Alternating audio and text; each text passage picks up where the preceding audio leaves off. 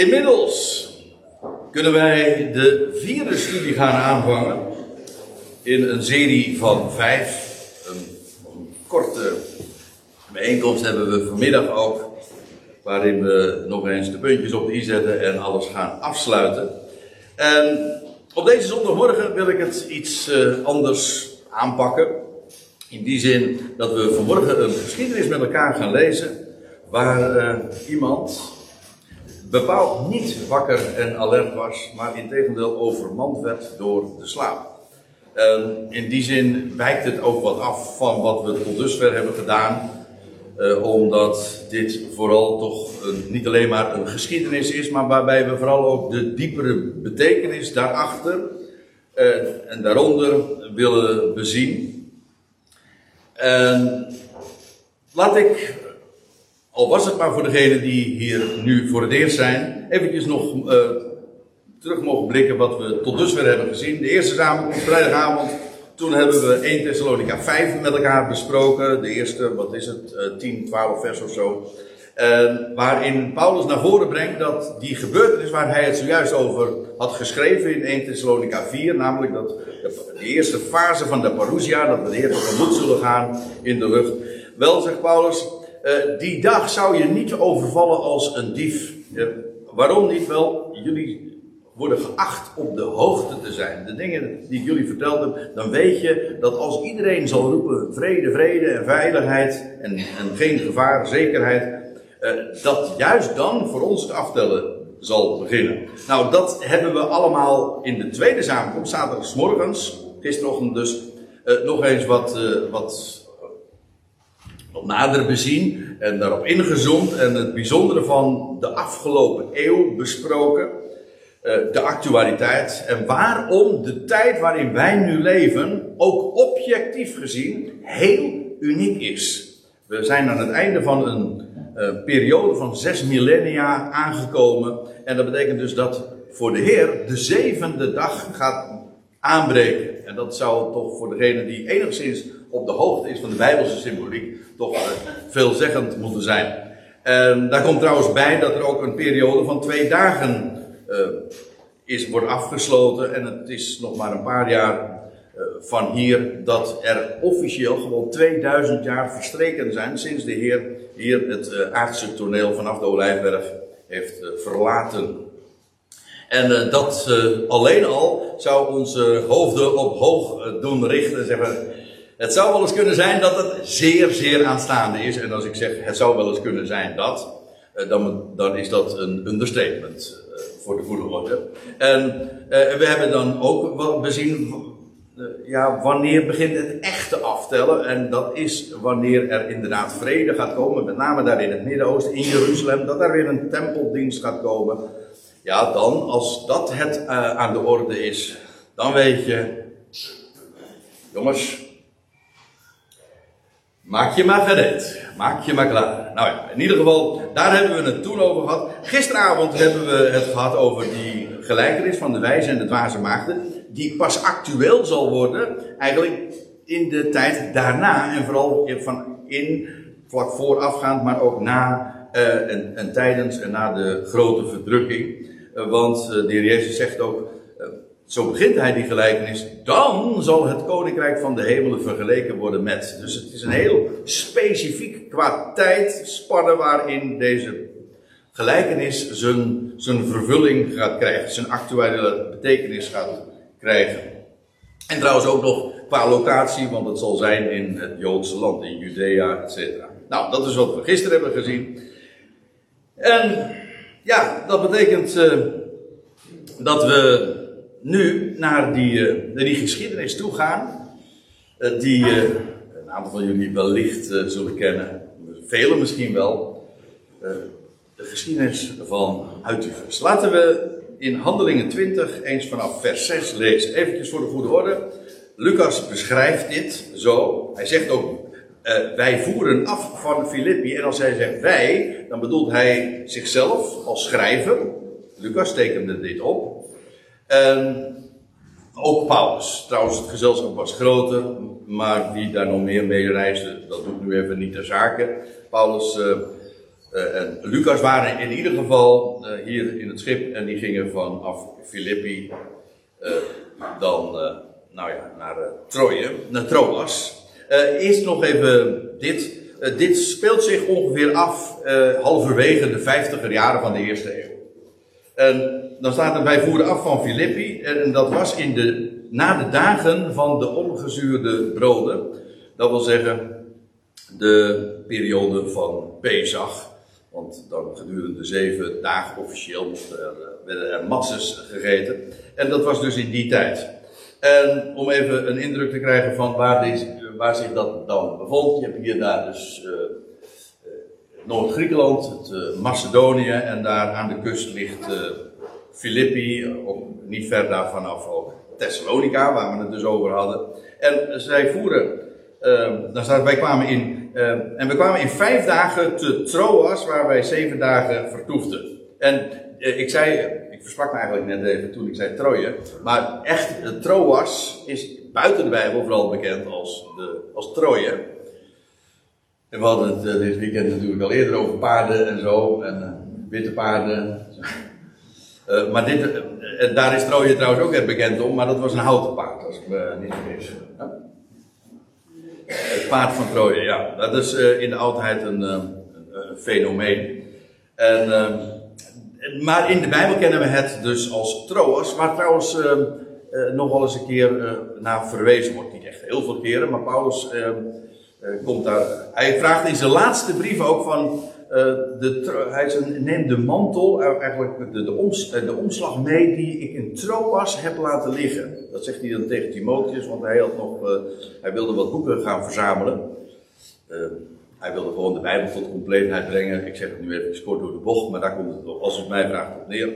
In elk geval, in, dat, dat, dat was Troas. En daar verbleven zij in die stad in Troas dus, uh, dat, dat, moet ik er ook even bij zeggen, ze maken die oversteek dus tussen de allerlei Griekse eilanden door en komen ze dan vervolgens op het, uh, wat zeg ik, het noordwesten van het huidige Turkije en daar ligt dat Troas dus. En daar hebben ze vijf dagen over gedaan, dat ging niet echt al te snel vind ik, maar goed. Ja, Hè? Roeien met de riemerie, hè? Ja. ja, precies, ja. En je zal maar moeten zwemmen, hè? Uh, maar ieder geval, ze, zij voeren af dus. En dan staat er in vers 7. En op de eerste van de sabbatten nu. Dit is wel heel interessant. Daar zou ik uh, veel dieper op in kunnen gaan als het gaat over die timing. Maar de eerste van de sabbatten, dat is een, um, een technische term dat is de eerste, dag 1 eigenlijk van de Sabbatenperiode. En dat is namelijk zo dat uh, als de eersteling, als de eerste schoof van de gerstenoogst uh, was binnengehaald, dan de dag na de Sabbat werd die aangeboden aan de priester en die bewoog dat dan. En vanaf dat moment, vanaf de dag na de Sabbat, uh, zou volgde er een periode van zeven sabbatten. Dus eh, in totaal 49 dagen. En dan na 49 dagen krijg je de, juist de vijftigste dag en dat is Pinksteren. Dus uh, dat is de periode tussen wat wij dan in de christelijke kalender tussen Pasen en Pinksteren beschrijven en benoemen. Maar hier is het dus die eerste van de sabbatten. Ik geloof dat dat maar dat is te gecompliceerd en doet nu verder over het verhaal niet zoveel ter zake. Dat het de eerste dag is van die periode, van de Sabbatenperiode. En eigenlijk ook wel bekend als nummer 1, de eerste dag van de Omertelling. Zo heet dat dan in, op de Hebreeuwse kalender. En wat wel van groot belang is, dat is namelijk uh, standaard de uitdrukking voor de dag dat de Heer Jezus uit het graf verrees. Dat was inderdaad de eerste van die sabbatenperiode, dat de omertelling begon. En wat dacht je wat? Ik vind dat altijd geweldig om eraan te denken dat al die, die hoogtijden die God heeft gegeven aan zijn volk Israël.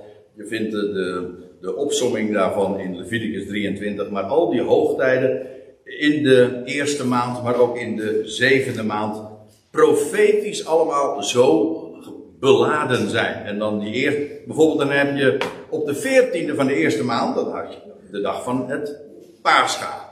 Dat is de dag geweest dat de Heer Jezus opstond uit de doden.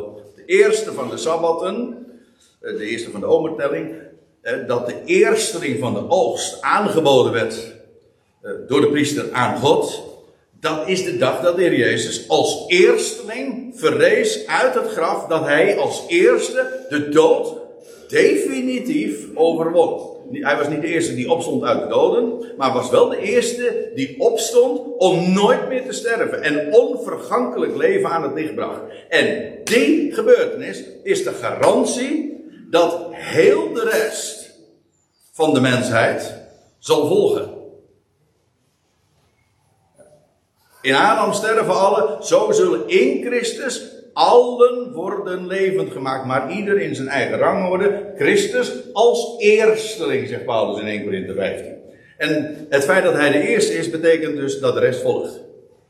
En wie is de rest? Nou, dat, is, dat zijn alle Adamieten. Dat zijn diezelfde als die in Adam sterven. Dat, zijn u en ik, dat zijn al die miljarden mensen. En wat een geweldige waarheid is, komt daarin tot ons mee het gaat allemaal over de overwinning op de dood, die aangekondigd wordt, medegedeeld wordt. Dit is in feite de essentie van het evangelie. En weet je wat ik zo mooi vind? Daar heb ik niks voor te doen. Ik vertel het je gewoon. En geloof het of niet, dit is de waarheid. En er is geen ontkomen aan. Heerlijk om dat uh, niet alleen te weten, maar dat kun je tegen iedereen vertellen. Dat houdt van jou, ben zijn creatie. Hij redt jou. Hij geeft jou het leven. En dan is de vraag van jou, wat moet ik daarvoor doen? Nou, dan is de christelijke variant, dat moet je dan wel aannemen. Nee. Het is een mededeling. Geloof het. Als, je mag, als je dat mag geloven, ja, dan, uh, ja, dan ben je. Nou, daar wil, het, eh, wil ik het vanmiddag trouwens nog graag even over hebben. Maar oké, laat ik even ter zake blijven. Uh, de eerste van de zalm, de eersteling. Oké, okay, daar heeft het mee te maken. Toen Paulus zegt, wij waren verzameld, of eigenlijk Lucas tekent dit erop. Toen waren wij verzameld om brood te breken, wat in feite uh, niks anders dan een aanduiding is van uh, maaltijd houden. Dat blijkt uit verschillende teksten ook. Ik geef de verwijzingen er meteen maar even bij. Maar daar zie je gewoon dat het broodbreken, als je met elkaar aan één tafel zit, ja, dan, dan, dan deel je het brood. Dan breek je het brood. Trouwens, als het gaat om matzes, dat, dat kan je niet eens snijden. Dat moet je breken. En, maar ook ander brood werd uh, gebroken. In ieder geval, dat is dan de aanduiding van, uh, van een maaltijd houden, maar feitelijk ook daarmee van gemeenschap hebben. Je deelt het brood. Je, je deelt de, dat wat op die ene tafel staat. En dat is gemeenschap. Gemeenschap wil niks anders zeggen dat je iets of iemand gemeenschappelijk hebt. En dat deel je met elkaar. Wij hebben hier ook met elkaar gemeenschap. Dat wil zeggen, wij delen de rijkdom van het woord. En ja, dat daardoor ontstaat. Uh, nee, daardoor ontstaat. Daardoor beleven we een eenheid. En dat is iets wat je niet kunt maken, dat is er. Oké, wij waren verzameld om brood te breken en Paulus argumenteerde met hen. In uh, de MBG-vertaling staat dan, hield een toespraak, maar er staat hier eigenlijk een woord dat, dat uh, meer de gedachte heeft van, van converseren, maar ook vooral van argumenteren. je, wat doe je als je argumenteert? Dan, dan, dan, dan spreek je dingen door. En ook als daar dan tegenwerpingen zijn of vragen, dan bespreek je die en ja, dan krijg je dus het, dan argumenteer je. Dus het is maar niet zomaar een, eh, een pep talk, eh, een toespraak houden of een, eh, een preek. Nee, hij argumenteert. Paulus wil de dingen duidelijk maken. Dat blijkt ook wel, wel nog een heleboel te vertellen, maar daarover meer. En omdat hij op het punt stond, Paulus dus, de volgende morgen weg te gaan, verlengde hij het woord tot middernacht. Ik hou altijd van deze woorden.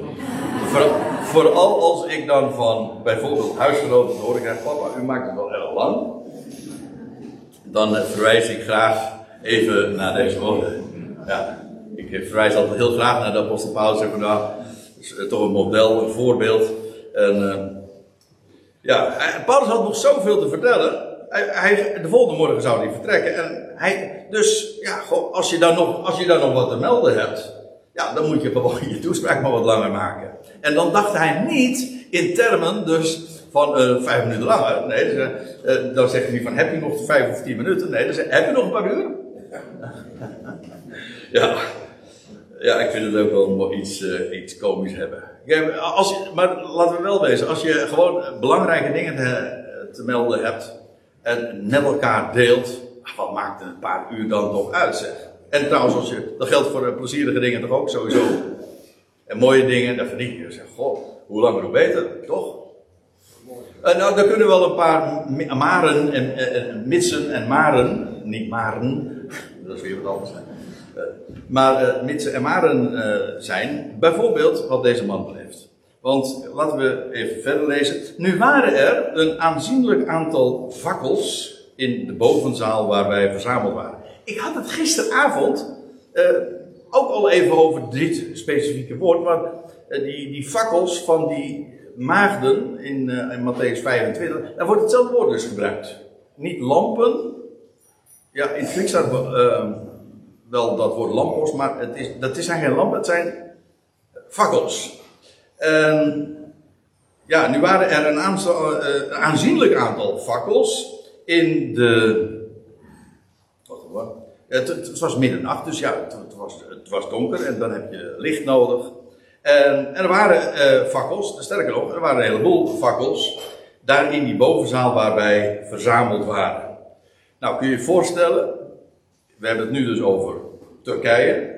Uh, en wij vinden het hier nu warm, maar als je dan in de bovenzaal bent, en uh, dan uh, dat daar een heleboel fakkels zijn, dan wordt het krap warm, kan ik me zo voorstellen. U zegt, maar stond de airco dan niet aan? Dat, uh, ik ben bang van niet. En dan wordt nog een vuur gesprek. Nou, een vuur gesprek, precies. Ja, maar ik, dit is wel een mooi hoor, want kijk, dit is, ik hoop dat u uh, begrijpt, eigenlijk op voorhand al, dat hier natuurlijk meer achter steekt. Sowieso, die bovenzaal kennen we wel. We lezen dat de Heer Jezus in de nacht dat hij werd overgeleverd met, zijn, uh, met de zijnen maaltijd heeft gehouden. Uh, dan lees je ook dat was, dat was in de opperzaal of in de, of in een, in een bovenkamer, in de bovenzaal, hoe dat ook maar heten mag. Eh, op een hogere etage. Denk even gewoon dubbelzinnig. Hè? Ik bedoel, het is niet alleen maar een mededeling, maar er gaat van zo'n gegeven op zich al uh, een sprake uit. Ik, ik, heerlijk als je, als je de Bijbel op dat, uh, die manier ook gaat verstaan. Dat je weet van, ja, dingen zijn maar niet plat, gewoon informatie, de data, het was toevallig een bovenzaal. Uh, nee, het louter feit dat dat zo vermeld wordt, daar zit meer achter. Op een hoger niveau. Op de hoogte. Ik had gisteren al eventjes, dat had ik uh, zomaar van iemand hier, van jullie meegekregen, over, die, uh, over dat alert, dat, letterlijk uit het Grieks, of nee, vanuit het, wat zei Italiaans, dat letterlijk betekent op een hoogte, op een heuvel. Trouwens, onze uitdrukking op de hoogte zijn, geeft dat ook al aan. En ik heb bij een andere gelegenheid ook wel eens verteld, we hebben hier ooit een bijbelconferentie, zo'n ja, zo weekend ook gehad, dat is alweer tig jaar terug, geloof ik. Uh, dat we over de bergen in de Bijbel gehad. En uh, ook op de hoogte. Um, en toen hebben we het gehad over dat, dat het Hebreeuwse woord voor wijsheid. Nee, ik moet het anders zeggen. Je hebt het, het Griekse woord voor wijsheid, dat is Sophie. Ja, Sophia. En daar komt ons woord Sophie, filosofie en zo uh, vandaan. Maar de aardigheid van dat woord Sophie is dat dat uh, hoogstwaarschijnlijk via, via, via uit het Hebreeuws komt. En dat heeft te maken met het Hebreeuwse zelfstandige naamwoord Sophim, meervoud. En dat zijn uitkijktorens. En op het moment dat je dat realiseert, dat wijsheid eigenlijk, Sophie, of Sophia, dat eigenlijk te maken heeft met een uitkijk te worden. Dat wil zeggen, je bent op een hoogte. En wat, het, wat is er nou zo mooi als je op de hoogte bent? Dan heb je overzicht. Dan zie je het geheel. Dat zie je niet als je gewoon uh, te midden van de dingen bent. Dan moet je, heb je afstand nodig. Om, om, om zicht te hebben op dingen heb je even, moet je even afstand nemen. En als je dat dan op een hoger perspectief ziet, ja, dan, dan, dan zie je het. Maar dat niet alleen. Je hebt niet alleen overzicht, je hebt ook uitzicht. Nou, dat is wel heel erg handig als je wakker en alert wil zijn. Dan heb je zicht nodig. Uitzicht, overzicht. Ja, en al die begrippen komen hierin mee. Nou, hier zijn ze in een bovenzaal. Laten we eventjes een paar dingetjes op een rij zetten. Waar, wat hier zo tekenend aan is. In de eerste plaats, Paulus spreekt. Aha. Dat is die apostel van de natie. De leermeester en de heer, en de afgevaardigde van en voor de natie. Dat is degene ja, die God speciaal heeft bestemd om een heraut te zijn, maar ook een leraar en een onderwijzer van de natie. En mensen zeggen van de Bijbel is zo moeilijk. En, ja, waar moet ik beginnen? En uh, ja, dus, dat noemen ze dan hermeneutiek. Hoe, hoe leggen we de Bijbel uit? Dan zeggen van nou, dan moet je. God heeft, die Bijbel is moeilijk boek. Jawel, maar dan moet je weet je wat je dan nodig hebt? Een leraar. voor ons als niet-Joden is de Bijbel een moeilijk boek. Ja, en bij wie moet je dan wezen? Nou, bij de leermeester van de natie. Die heeft God speciaal gegeven. Dus als mensen vragen van ja, hoe, waar moet ik beginnen? Dan ze beginnen. Krijg zorg ervoor dat je goed onderwijs hebt. Dan moet je bij Paulus wezen. Dan moet je bij Paulus aankloppen en dan ga je zijn brieven lezen. En dan maak je een hele goede start. En de aardigheid is dan word je meegevoerd in heel de schrift. Paulus zegt dat ook. Hè? Al de schrift is aan, van God gegeven en geïnspireerd en nuttig. Jawel, maar als je wil weten hoe het zit en hoe het verstaan moet worden, moet je bij hem beginnen. En, en, en, ja, als je dat niet ziet, dan maak je een valse start. Ja, Paulus is gegeven natie. En je hebt ook apostelen, Jacobus en Petrus en Johannes. Ja, die richten zich tot de besnijdenis. Nuttig om uh, om daar kennis van te nemen, jazeker, maar wel, wel met de, de, wetenschap en het begrip ja, maar het is bestemd voor de, voor de besnijdenis. En uh, ja, dat geldt ook voor het onderwijs van de evangelie, dat de Heer Jezus geeft, waarin hij spreekt tot, tot het huis van Israël. Ja, en als er dan iemand uit de natie bij hem aankomt en zegt: Nee, nee, het is niet goed om het brood van de kinderen te geven aan, aan, de, aan, aan, de, aan de hondjes. Nee, je moet weten voor wie iets bestemd is. En dat geldt voor de Bijbel ook. Zo essentieel voor het verstaan van de schrift. Vandaar ook Paulus. Dat is waar we nu om gaat. Oké, Paulus spreekt. Um, en op de hoogte, ook dat is dus veelzeggend. In een bovenzaal. Uh, er was veel licht. Ja. ja, logisch. Dan, het, het, was, het was in de wereld nacht. Wel, het was donker en toch, daar in die zaal waar Paulus sprak, boven een hoger niveau, daar was veel licht. Ja, uh, ik, ik, ik, heb niet eens de neiging om dit verder nog toe te lichten, want dit is nogal wie, dus dat is de, zeg je dan, dat is, uh, dat het vloeit uh, uit elkaar voort. Dat is, dat is dubbelzinnig. Want op het moment namelijk dat je luistert naar wat, wat God via hem te melden heeft, dan, wordt, dan wordt het verstand verlicht, dan wordt je hart verlicht, dan krijg je geweldig zicht, uitzicht. En dan is daar inderdaad ook die gemeenschap. Eh, is altijd heerlijk om dat te beleven. Ik, heb nou dit weekend al velen horen zeggen: wat is het heerlijk om gewoon samen te zijn, gewoon in alle rust, zonder geen, geen organisatie. Uh, ja, ik weet, er komt heel wat bekijken om dit allemaal te regelen. zo bedoel ik niet. Maar ik bedoel, zonder, uh, zonder macht, jij moet dit weten of jij moet dit geloven. In vrijheid, we zijn in vrijheid bij elkaar. En het woord klinkt. En weet je wat het geweldig is? Als, als dan dat woord uh, doorgegeven wordt, je deelt dat met elkaar, dan, dan beleef je de eenheid. Die maak je niet door een club op te richten waar mensen dan lid van worden en dat er een ballotagecommissie is waar jij mag er wel en jij niet. Allemaal. Dit is een eenheid van de geest. De, je deelt met elkaar het woord en ja, en dan, uh, dan zit je aan tafel en dan hef je het glas of je deelt met elkaar, eh, het, letterlijk ook, hè, de maaltijden, dat is heerlijk. Dan, dan deel je uh, met elkaar de rijkdom. Dat is gemeenschap. Dat is, zo'n kostbaar goed. Dus feitelijk, dat is, ja, dat is waar het in het leven om gaat. Dat weten we toch allemaal.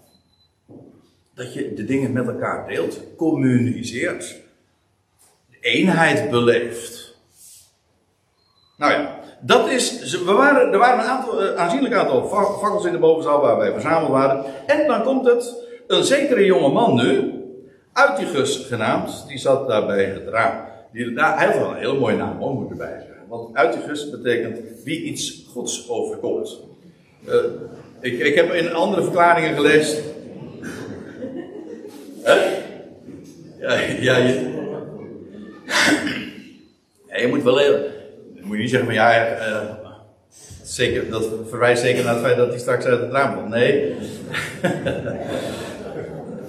Eh, wel het hele verhaal vertellen natuurlijk. Hè. Maar uh, wie iets goed, het is eigenlijk het idee van een gelukhebber. Een, een, ja, een lucky one. Goh. Ja, dat, was, dat is eigenlijk wat in de naam uh, Uitigus besloten ligt. ja? Hè? Toevallig. ja, het is toevallig, ja.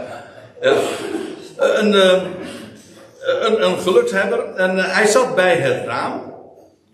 Uh, dat heeft te maken, een raam, dat is niet een ruit. Hè? Nee, dat is het raamwerk, dat is het venster. En het is, bij ons is een venster trouwens eigenlijk ook een synoniem voor uitzicht. Als je bij het venster zit, ja, dan heb je uitzicht. Nou, daar zat hij, en, maar hij werd overmand, staat er in een diepe slaap. Ja. Uh, dat, dat, is, dat, dit wordt hier niet als een verwijt neergezet. Uh, ja, ik moet zeggen, als, als uh, mij als spreker dat overkomt. Nee, ja, niet dat ik in diep slaap val. Maar uh, dat ik iemand voor mij zie die, die slaapt. dat is altijd heel. ja, ik kan daar heel, heel slecht tegen. Dus dan weet u dat ook. dus als u wilde. Dus als u wil hebben, dat als u mij van het padje wil brengen, dan moet u gewoon zo gaan doen.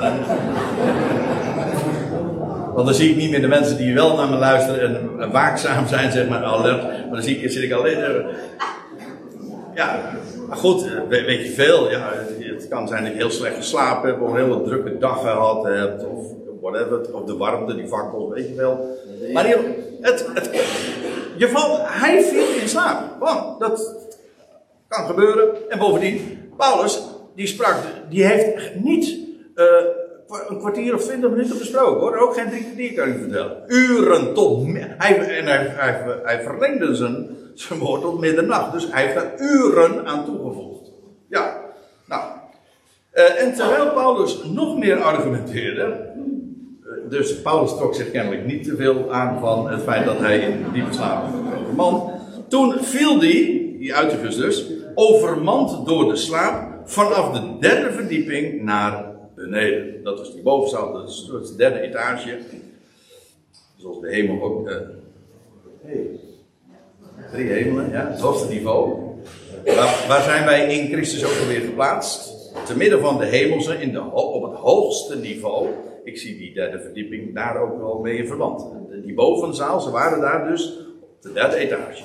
Oké, weten we dat ook? Uh, hij viel vanaf de derde verdieping naar beneden en hij werd dood opgenomen.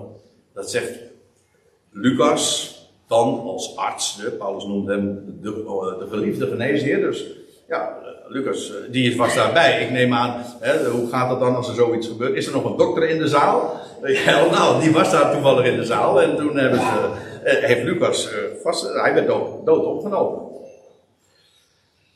Dus uh, hij maakt een, uh, een flinke val. En Paulus nu kwam naar beneden. En hij, wat er precies dan, dan gebeurde, weet ik niet. Maar nou ja, behalve dan wat hier staat, zo staat. Hij wierp zich op hem en hij omhelsde hem. En dan zegt hij: Maak geen tumult. Of maak geen ophef. Hoe staat het? Uh, maak geen misbaar. Want zijn ziel, zo, staat het letterlijk. En begeven dagelijks is, er is nog leven in hem. Letterlijk staat er zoiets als. want zijn ziel is in hem. Dus Lucas had als arts genoteerd, hij was dood opgenomen, maar nu had Paulus uh, hem, uh, zich, op, zich, op, hem geworpen en omhelst. En hij zegt: Helemaal goed, zijn ziel is in hem. En naar boven gaande brak hij het brood. Dus er staat hier verder niet bij wat er met die uiterus gebeurt. Gewoon, zijn ziel is in hem. En, en naar boven gaande brak hij het brood. En, proefde, zo, zo staat het wel letterlijk. Ja. Ze hebben daar ook uh, dingen bevonden, gegeten, geproefd. En hij converseerde daar nog geruime tijd. Ik vond het wel interessant dat hier het Griekse uh, woord homileo gebruikt wordt. Waar ons woordje homiletiek van afgeleid is. En voor degenen die ooit uh, op de universiteit een, of een theologische studie hebben gevolgd. Die weten dat dit een tak is in de theologische wetenschap. Hè? Predikkunde, homiletiek. Maar de aardigheid is eigenlijk, het idee van het woord is, zo heb ik begrepen, uh, dat van, uh, van conversatie. Ik heb dat hetzelfde trouwens meegemaakt bij een bij, bij prediken. dat dat de gedachte heeft van een conversatie. Het is meer vooral eenrichtingsverkeer. Maar goed, in ieder geval, Paulus converseerde nog geruime tijd. Het is dus niet alleen maar een, een, een, toespraak geweest. Er is ook hoe zeg je dat, feedback gegeven, et cetera. Hij converseerde nog geruime tijd tot de morgen stond, ja. Uh, en zo vertrok hij. Dus het is nog eens een keer, want hij verlengde zijn woord tot middernacht. En dan tot, mid, tot, morgen, tot de morgen stond, tot, totdat dus de dag aanbrak. Hou hem vast. Tot de dag aanbrak. Eh, bleef hij daar. En zo vertrok hij, dus hij heeft die nacht helemaal niet geslapen. Dat zeg ik ook eventjes tot troost voor degenen die uh, vannacht slecht hebben geslapen. Zo, zo erg van ramp is dat nou ook weer niet, als je een keertje hebt geslapen. Nou, ja. En, uh, zijn dus, en, en, dan staat er, en uh, hij converseerde nog ruim, geruime tijd tot de morgen stond en zo vertrok hij. En ze, zij nu brachten de jongen levend en ze werden mateloos bemoedigd. Eigenaardig is, nadat pas uh, Paulus had gezegd, er is ziel in hem. Vervolgens gebeurt er met die uiterus niks. En nu is Paulus vertrokken. En, en nu brachten ze de jongen levend. Eigenaardig, hè? Paulus is vertrokken en dan... Ja, ze brachten de, jongens, uh, de jongen levend. Een jonge man was het nog. En uh, terwijl die dood opgenomen was, blijkt hij nu, na Paulus vertrek, levend te zijn. En ze werden... Hier pas staat er. En ze werden mateloos bemoedigd. Ik vind vooral de, deze opmerking in vers 12 opmerkelijk, omdat vanwege de timing. Want je zou zeggen, uh, daar, daar, heeft dus nog een hele tijd tussen gezeten. Die, die maar hij viel. Paulus zegt van, don't worry, de ziel in hem. Paulus gaat nog een heel aantal uren verder daar met, met spreken en uh, met de maaltijd nog. Dan vertrekt hij en dan was staat er van, uh, en ze brachten de jongen levend en ze werden mateloos bemoedigd. Waarom ik, daar, uh, waarom ik nu even val over deze mededeling op dit moment, is uh, juist omdat ik dit profetisch ook weer zo boeiend vind. Waarom? Nou, dat ga ik u nu vertellen. Tenminste, ik ga eens een paar punten op een rijtje zetten waarom dit alles, wat hier vermeld wordt, in hoge mate profetisch is. Ik heb al wat verteld over die bovenzaal.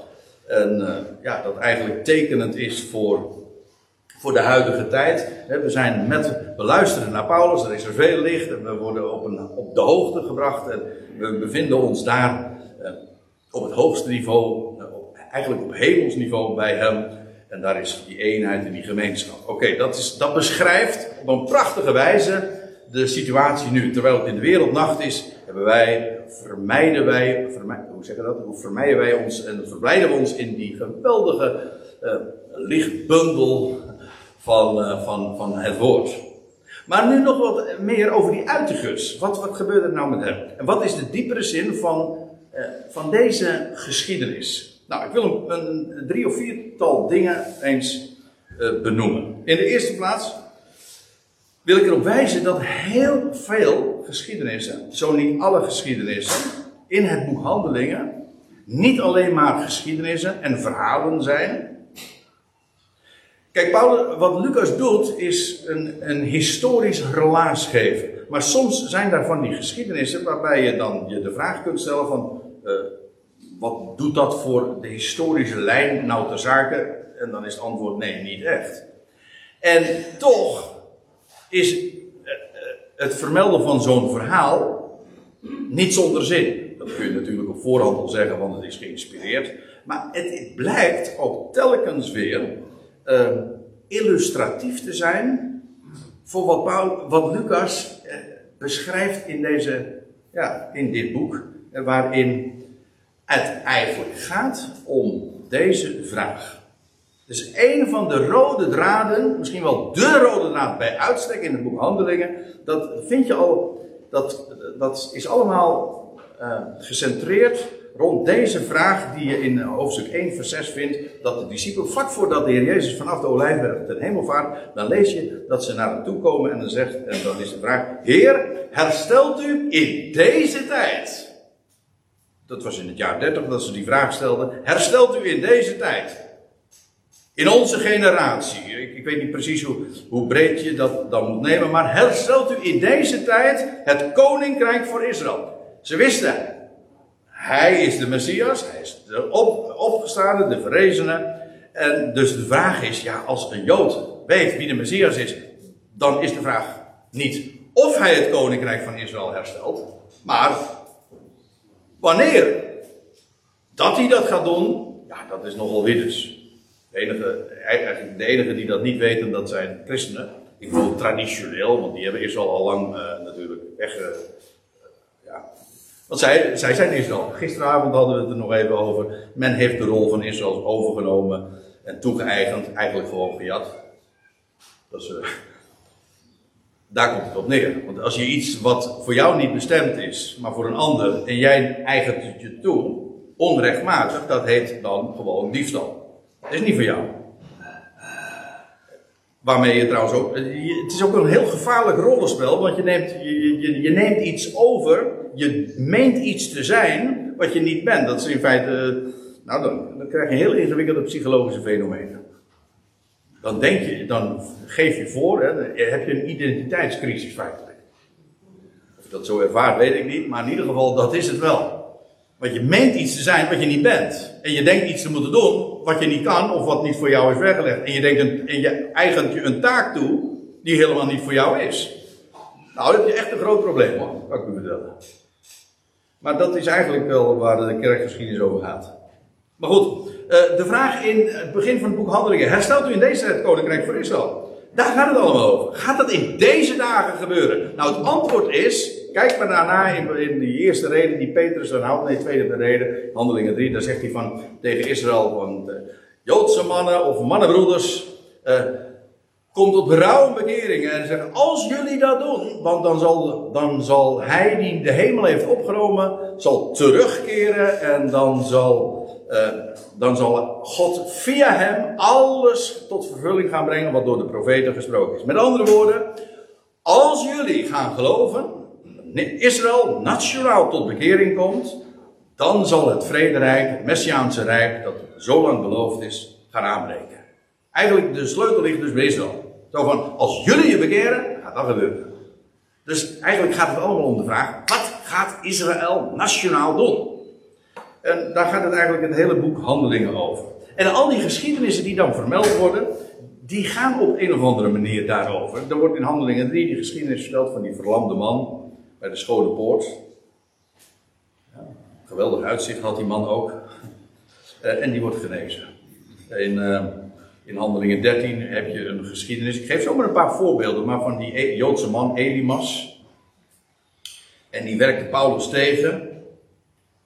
En die maakte dat ene Sergius Paulus, dat was een heiden, uh, het woord niet zou verne vernemen. En dan lees je dat die Elimas voor een tijd lang blind wordt gemaakt. En vanaf dat moment lees je dan ook dat uh, Saulus Paulus wordt. Ja, dat heeft nu zo'n enorme diepgang. Daar zitten zulke geweldige betekenissen aan vast. En wat ik ermee wil zeggen is, dit is niet alleen maar het vermelden van een bepaald voorval, een opmerkelijk voorval. Nee, het is illustratief voor dat wat Lucas beschrijft in, van handelingen 1 tot handelingen 28. Namelijk dat het, het Joodse volk afkerig is en waardoor het woord naar de natieën gaat en waardoor het Joodse volk ook voor een tijd lang, niet altijd, maar voor een tijd gewoon blind gemaakt wordt. En oh, wat dacht u van eh, het einde van het boek Handelingen, dat schip waar Paulus voer, maar dat ging onder in de zee. En waarom? Omdat de stuurlui niet naar Paulus' woord hadden geluisterd. Ook dat is heel in hoge mate illustratief. Dat het schip van Israël ondergaat in de Volkerenzee. Inclusief de hele lading. Waarom zeg ik dit dus? Nou, omdat dit om aan te geven dat allerlei geschiedenissen, verhalen niet alleen maar boeiend zijn, maar strikt genomen voor de verhaallijn niet noodzakelijk zijn. En dat ze niettemin gegeven worden, is puur omdat ze illustratief zijn. Ze ondersteunen de boodschap. Er gaat een sprake van uit. En dat zie je dus bij deze geschiedenis ook, want Uitergis is een onmiskenbaar type van Israël.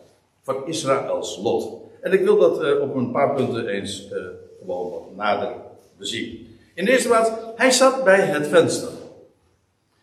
Hij had uitzicht. Je leest in, uh, in Romeinen 9. Nou, dit gaat wel in hoge mate ook op voor Israël. Als er één volk is waaraan God een geweldig venster voor heeft geopend, dan is het wel dat volk. Zegt, Paulus zegt in Romeinen 9 van, zij zijn Israëlieten. Zij. En dan zegt hij van, hunner, wat, wat komt aan hen allemaal toe? Nou, dan zegt hij, hunner is het zoonschap. En de heerlijkheid, Shechina, de, de verbonden. Niet alleen het oude, maar ook het nieuwe verbond. Uh, de wetgeving, de eredienst, de belofte. Hunner zijn de vaderen. En uit hen is ook, wat vrees betreft, de Christus. Die is boven alles. God te prijzen tot in de Aion. Amen. Over uitzicht gesproken. Die Uitigus is een type van Israël met dat geweldige uitzicht op wat voor hen bestemd is en wat aan hen wordt, is beloofd. Zij zijn Israëlieten. God gaat via dat volk ja, de wereld zegenen en zij zijn daarin het kanaal. Een koninkrijk van priesters om de, hele, om de rest van de wereld te bereiken. Gezeten in het venster, dat is één ding. En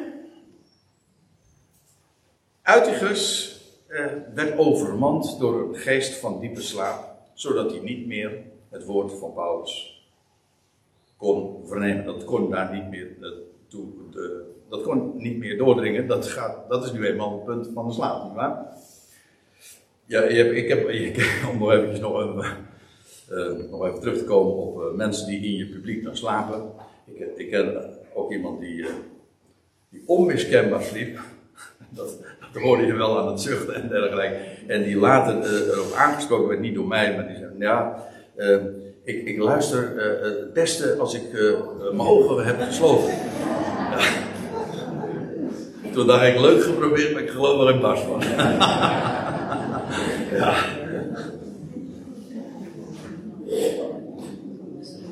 Trouwens, je hoeft je er helemaal niet voor te activeren. Eigenlijk zou je als spreker. Uh,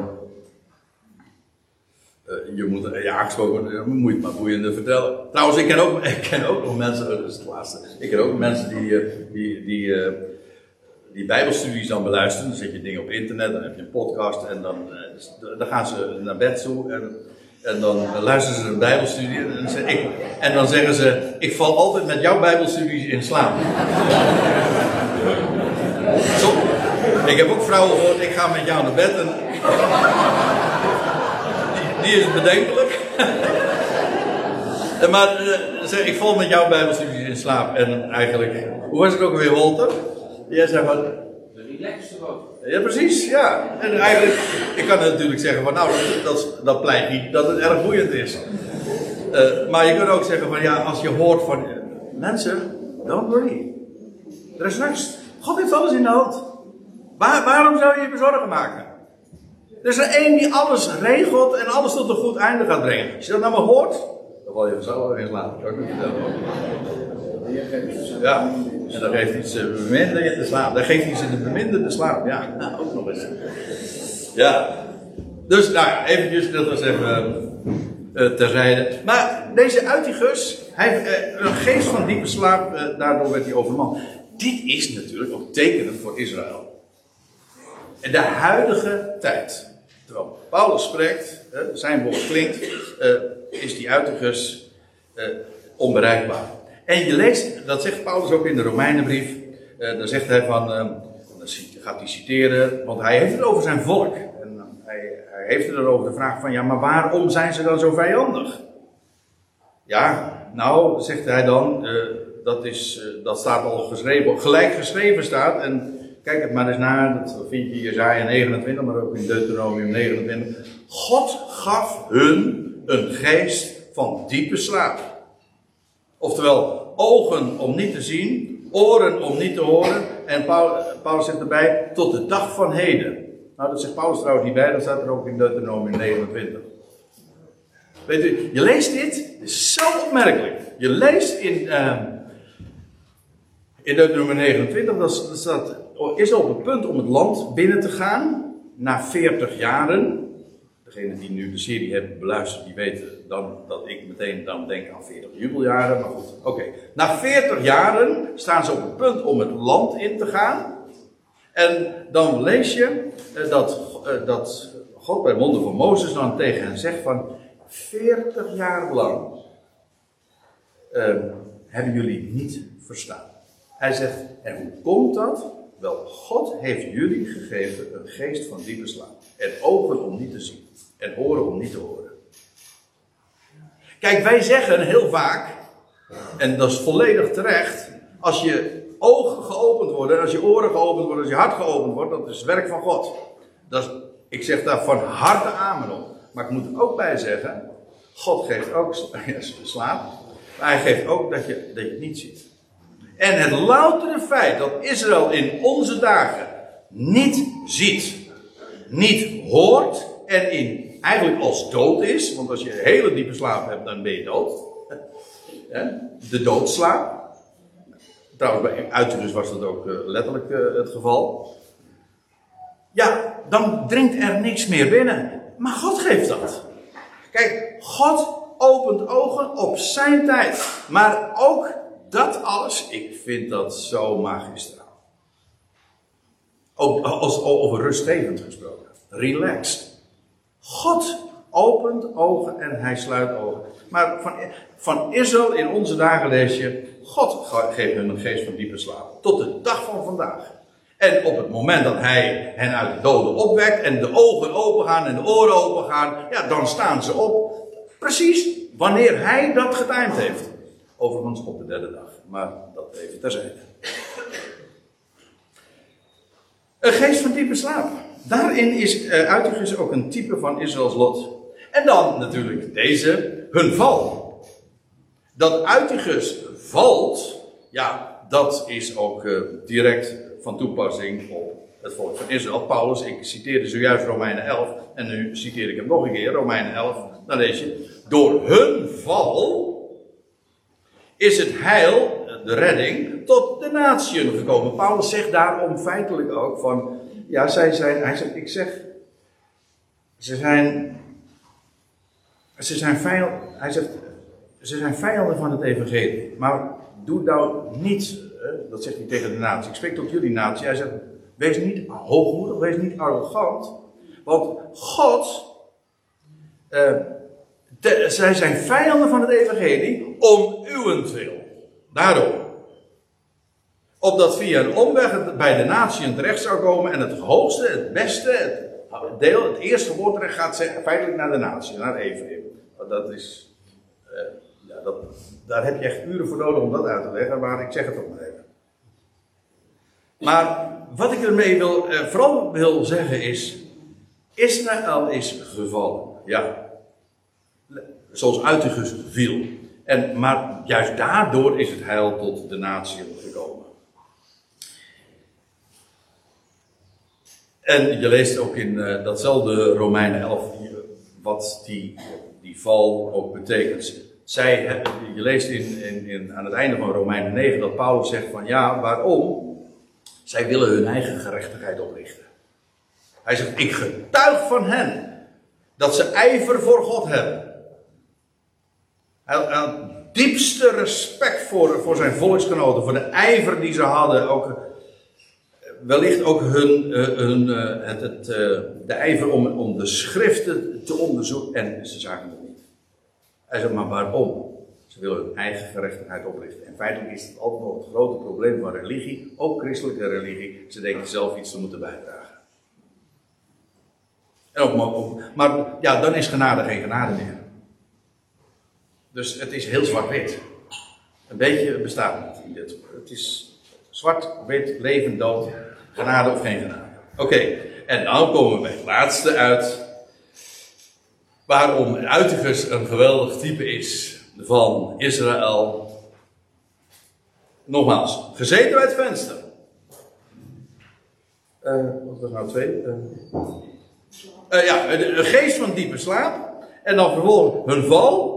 En dan vierde.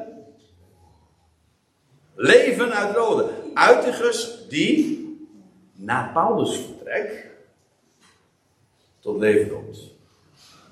Of in ieder geval, uh, dan wordt dat vermeld. En dat is precies waarom, het, uh, waarom die Uitigus echt zo een geluksvogel is. Waarom? Ja, Paulus, Paulus zegt van, hij was dood opgenomen en Paulus zegt, don't worry, maak geen tumult. Die man die komt weer tot leven. En dat gebeurt ook. Inderdaad, dan is Paulus inmiddels weg, maar dat blijkt dan. Mensen, dit is een prachtig plaatje van Israël als dat volk dat aan, waar zo'n geluk aan ten deel valt. En bij, die, die, dat bij het venster zit en dat in diepe slaap is, dat valt. Maar op Gods tijd komt het tot leven. En ja, dan zegt Paulus, ik, citeer weer Romeinen 11. Het, uh, het, uh, die hele geschiedenis van Uitigus, die kun je gewoon, zonder enige reserve, kun je gewoon naast Romeinen 9 tot en met 11 leggen. En dan zegt Paulus in Romeinen 11, vers 15, indien hun verwerping de verzoening van de wereld is. Hun verwerping kun je opvatten als dat zij de Messias hebben verworpen. Je kunt het ook opvatten als dat God hen nu tijdelijk aan de kant heeft geschoven. Beide geven een goede zin en beide grammaticaal kan dat. Maar indien hun verwerping in de tegenwoordige tijd de verzoening der wereld is. Want dat is het woord dat, dat Paulus predikte. Ik weet het, in de christenheid heeft deze term, de verzoening der wereld, de verzoening van het al, is een ketterij geworden. Maar dat is nu juist de boodschap die Paulus predikte. Israël verwerpt de Messias en wat, wat komt daardoor? Juist door die val naar de natieën, via Paulus. Wel, de boodschap van de verzoening van de wereld. Deze wereld wordt verzoend. En dat is geen eis dat is niet wat de mens moet vervullen, maar dat is een aanzegging. God verzond vijanden tot zich. En gelovigen zijn mensen die vandaag al verzond zijn. En, en zolang een mens vervreemd is en vijandig gezind, ja, is hij nog niet verzond. Maar wat, wat Paulus predikt is de verzoening van de wereld. Het is de mooiste, de grootste, de rijkste boodschap die er maar bestaat. Maar zo gehaat. Want de religie, ik zeg het nog eens, christelijke godsdienst, kan daar niet mee uit de voeten. En als u zegt van, dat geloof ik niet, dan zeg ik, test het maar eens uit. Test het maar eens uit, dan ben ik bloedserieus. Ga maar eens een keertje gewoon in, uh, Christ, in de christelijke wereld vertellen, de verzoening der wereld. Zonder voorwaarden dus, hè. Dan zul je zien hoe deze boodschap op vijandschap uh, stuit. Maar Paulus zegt, dat is nu juist de, geweldige rijk. Indien hun verwerping de verzoening der wereld is. Oké, we, hebben het nu dus over hun verwerping. Maar Paulus zegt, wat zal hun aanneming straks dan zijn? Ook hier kan ik weer zeggen dat zij de Messias aannemen, maar ook dat God hen weer eh, weer op het spoor zet en dat hij alsnog weer de draad met hen gaat oppakken. Wat zal hun aanneming anders wezen dan leven uit de doden?